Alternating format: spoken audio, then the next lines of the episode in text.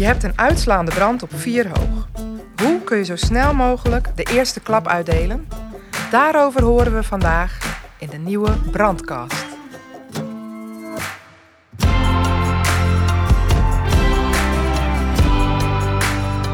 Leuk dat je luistert naar de brandcast van de VRU. Mijn naam is Fanny Spierenburg. Elke aflevering bespreek ik samen met een collega van Team Brandonderzoek één incident en de lessen die we daaruit kunnen leren. Welkom bij deze nieuwe aflevering. Steven van der Loos, jij zit hier uh, tegenover mij. Uh, ik ben benieuwd, welk verhaal heb je meegenomen? Ja, ik heb een verhaal meegenomen van een brand in Doorn, Park Boswijk, van september 2020. Uh, een brand waar een appartement volledig in de brand stond. De melding was uitstaande woningbrand met mensen binnen. Dus uh, ja, dat is natuurlijk vol alarm. Um, en dat is uh, waar Driebergen op is gaan rijden met twee voertuigen. En bij aankomst bleek al heel snel dat, er, uh, dat het dat echt een forse brand was met mogelijk mensen binnen. Dus daar is meteen op, op gehandeld natuurlijk. Ja, precies.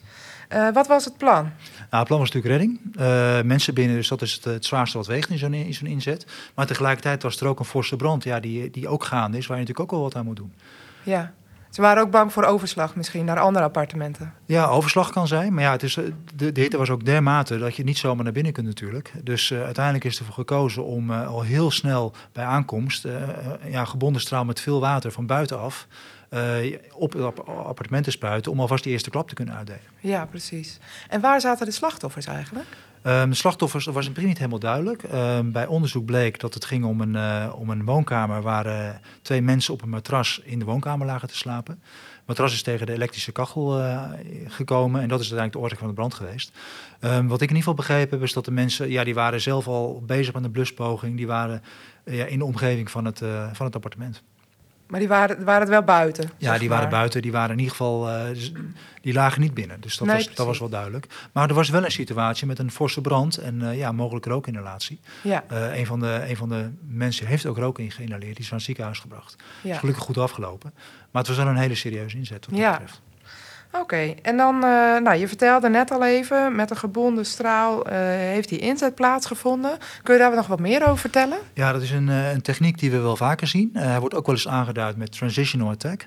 En dat betekent eigenlijk dat je heel veel water al in een heel snel stadium van de brand aanbrengt om alvast die eerste klap te kunnen uitdelen. Ja. Waarbij je eigenlijk hoopt is dat je, dat je veel, veel hitte uit zo'n uit zo'n omgeving haalt. Uh, in dit geval betekent het vanaf de straatniveau proberen op het plafond te spuiten. Zodat er het water ja, in, in de buurt waar het brandt uh, terechtkomt. Uh, zodat 1 en 2 eigenlijk meteen met de inzet verder kunnen als zij boven zijn. Ja, precies. Dus dat is hier ook, daar is hiervoor gekozen. Want op welke verdieping was de brand? Het was de bovenste verdieping. De vierde verdieping. De vierde verdieping, oh ja. ja. dus er is vanaf beneden, hebben ze een transitional attack via het plafond... in die woonkamer ja. uitgevoerd. Ja, al, al, al redelijk snel na aankomst. En, en wat was daar het effect van? Nou, het effect is dat je toch wel wat hitte uit, uh, ja, uit, uit, uit de brandomgeving haalt. Ja. En wat het makkelijker maakt om vervolgens op te kunnen treden als de mensen boven zijn. Ja. En hoe hebben ze die uitgevoerd? Met, met, nou, dat gaat, het beste, dat gaat het beste met O-bundels.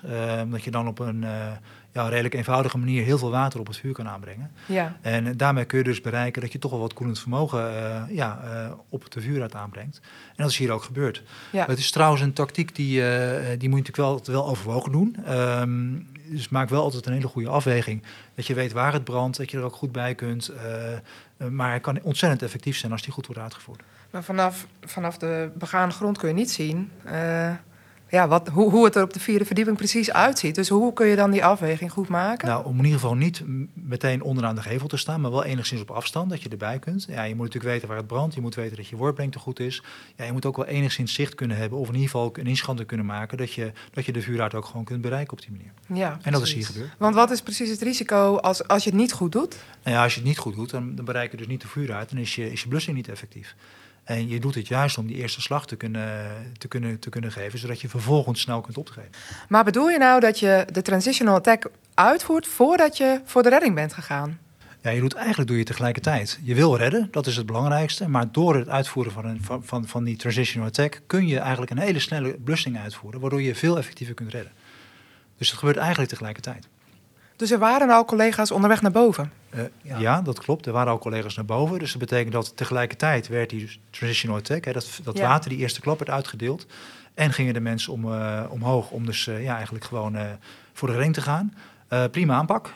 ja, als, als zoiets niet werkt, is het zoals hier werkte hij wel, maar als zoiets niet werkt, is zoals alle inzetten, ja, dan moet je een alternatief verzinnen natuurlijk. Ja, maar hier heeft het prima gefunctioneerd. Ja, Um, waar ik eigenlijk nog wel even op door wil gaan, is dat je in het voorgesprek hadden we het over de smoothbore, dat die is uh, toegepast. Kun je daar misschien nog iets meer over vertellen? Ja, de smoothbore straalpijp, dat is een straalpijp die met O-bundels wordt gebruikt. Ja, en dat betekent dat je gewoon heel snel met de 45 mm O-bundels uh, ja, tot wel 750 liter per minuut op de vuurhout kan brengen. Kan brengen. Ja. ja, dat is natuurlijk heel veel water. En dat is ook de enige manier dat zo'n tactiek kan werken. Veel water in korte tijd op de vuurhout. Ja.